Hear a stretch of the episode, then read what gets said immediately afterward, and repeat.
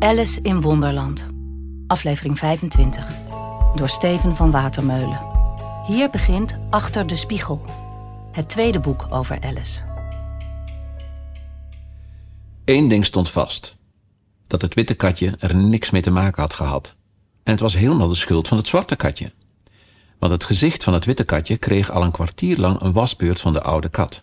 En doorstond die vrij goed, al met al. Dus je snapt wel dat het part nog deel kon hebben aan het kattenkwaad. De manier waarop Dina de gezichten van haar kinderen waste was als volgt. Eerst hield ze het arme beest met één poot aan zijn oor omlaag, en dan poetste ze met de andere poot grondig zijn gezicht, de verkeerde kant op, beginnend bij de neus. En op dit moment was ze, zoals ik zei, hard bezig met het witte katje dat heel stil lag en probeerde te spinnen, omdat het natuurlijk wel voelde dat het allemaal voor zijn bestwil was. Maar het zwarte katje had eerder op de middag al een beurt gehad, en terwijl Alice, genesteld in een hoek van de grote armstoel, half met zichzelf in gesprek, half in slaap was, had het katje dus een geweldige stoeipartij gehad met de bolkamgaren die Alice op had willen kluwen. En hem net zo lang heen en weer gerold, tot hij weer helemaal was afgewikkeld. Daar lag hij dan, verspreid over het haardkleedje, een en al knop en klit, met het katje dat achter zijn eigen staart aan zat er middenin. Oh, kleine deugniet die je bent, riep Alice, terwijl ze het katje oppakte en het een kusje gaf om het duidelijk te maken dat het uit de gratie was. Nou zeg, Dina had jou wel een beetje beter mogen opvoeden. Jazeker, Dina, dat weet je best, voegde ze toe met een verwijtende blik naar de oude kat en op zo'n stuurse toon als ze maar kon. En toen kwam ze weer in de armstoel met het katje en het kamharen bij zich en begon opnieuw te kluwen. Maar erg hard schoot ze niet op, want ze praten al maar door. Soms met het katje, soms in zichzelf. Kitty zat heel ingetogen op haar knie en deed alsof ze naar de voortgang van het kluwen keek, waarbij ze nu en dan een poot uitstak en de bol zachtjes aanraakte, alsof ze graag zou helpen als dat mocht. Weet je wat het morgen is, Kitty?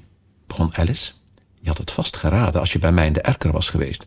Maar ja, Tina gaf jou net een schoonmaakbeurt, dus dat kon niet. Ik keek hoe de jongens takken verzamelden voor het vreugdevuur. En daar heb je een hoop takken voor nodig, Kitty. Maar het werd zo koud en er viel zoveel sneeuw dat ze het op moesten geven. Nou ja, geef niet, Kitty. Na dat vreugdevuur gaan we morgen even goed. Nu wond Alice het kamgaren twee of drie maal om de hals van het katje, om eens te zien hoe dat eruit zag. En dit leidde tot een schermutseling waarbij de bol op de vloer belandde en er weer meters en meters afgewikkeld werden. Weet je, Kitty, ging Alice voort, zodra ze zich weer comfortabel geïnstalleerd hadden, toen ik al het kattenkwaad zag dat jij hebt uitgehaald, was ik zo boos dat ik bijna het raam geopend had om je buiten in de sneeuw te zetten. En je zou het verdiend hebben, kleine lieve boosdoener van me. Hmm, wat heb jij daarop te zeggen? Uh, en val me niet in de reden, ging ze voort, terwijl ze een vinger opstak. Ik zal je zeggen wat jij op je kerststok hebt. Ten eerste. Je hebt twee keer gepiept. Terwijl die naar je gezicht waste vanmorgen. Uh, uh, dat kun je niet ontkennen. Kitty, ik heb het gehoord. Wat zeg je daar? Waarbij ze deed alsof het katje sprak.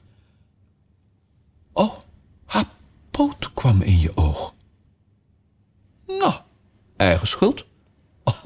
Omdat je je ogen open hield. Als je ze stijf dicht had gedaan, dan was het niet gebeurd. En nou hou jij op met die uitvluchten en luister je.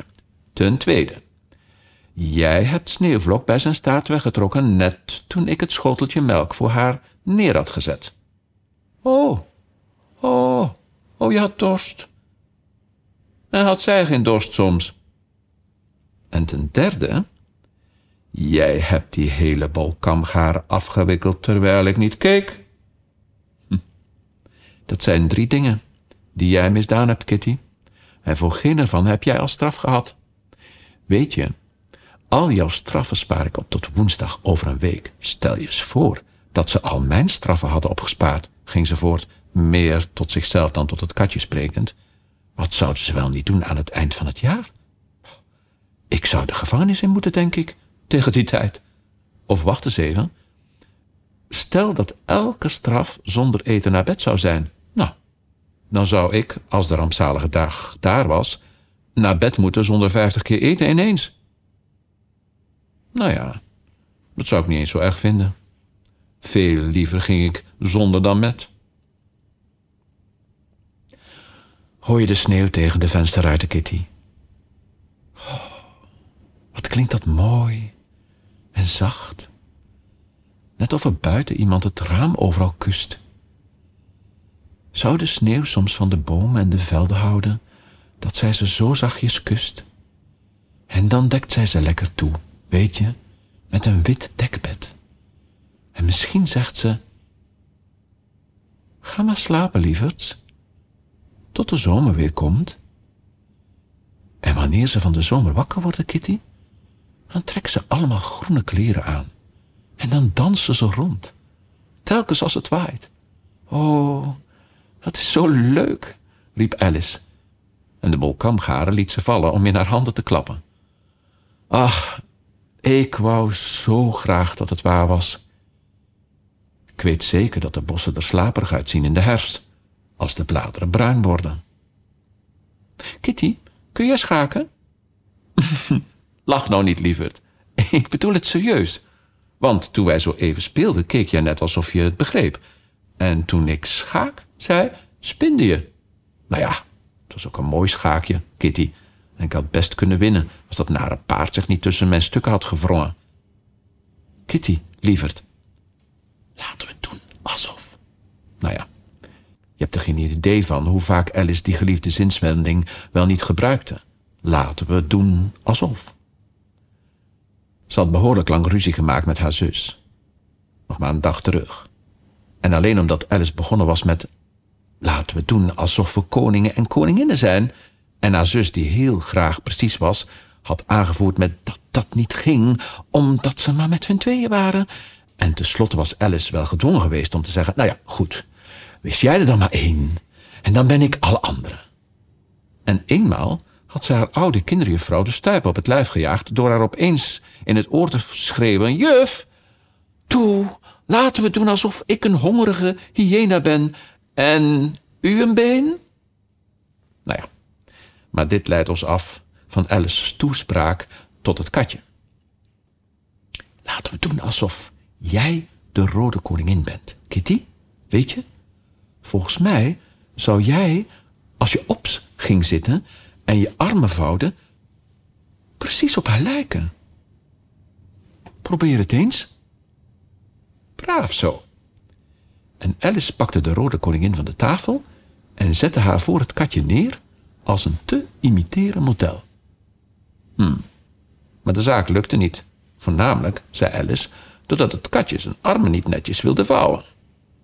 Om het te straffen hield ze het dus omhoog voor de spiegel, zodat het kon zien hoe koppig het was. En als jij niet meteen je best doet, voegde ze toe, dan zet ik jou daarachter in het spiegelhuis. Hoe zou je dat vinden? De volgende aflevering wordt gelezen door Hans Kesting. Alice in Wonderland is een podcast van Internationaal Theater Amsterdam, Het Parool en Stepping Stone Producties. Vertaling Nicolaas Matsier, uitgeverij Meulenhof Boekerij.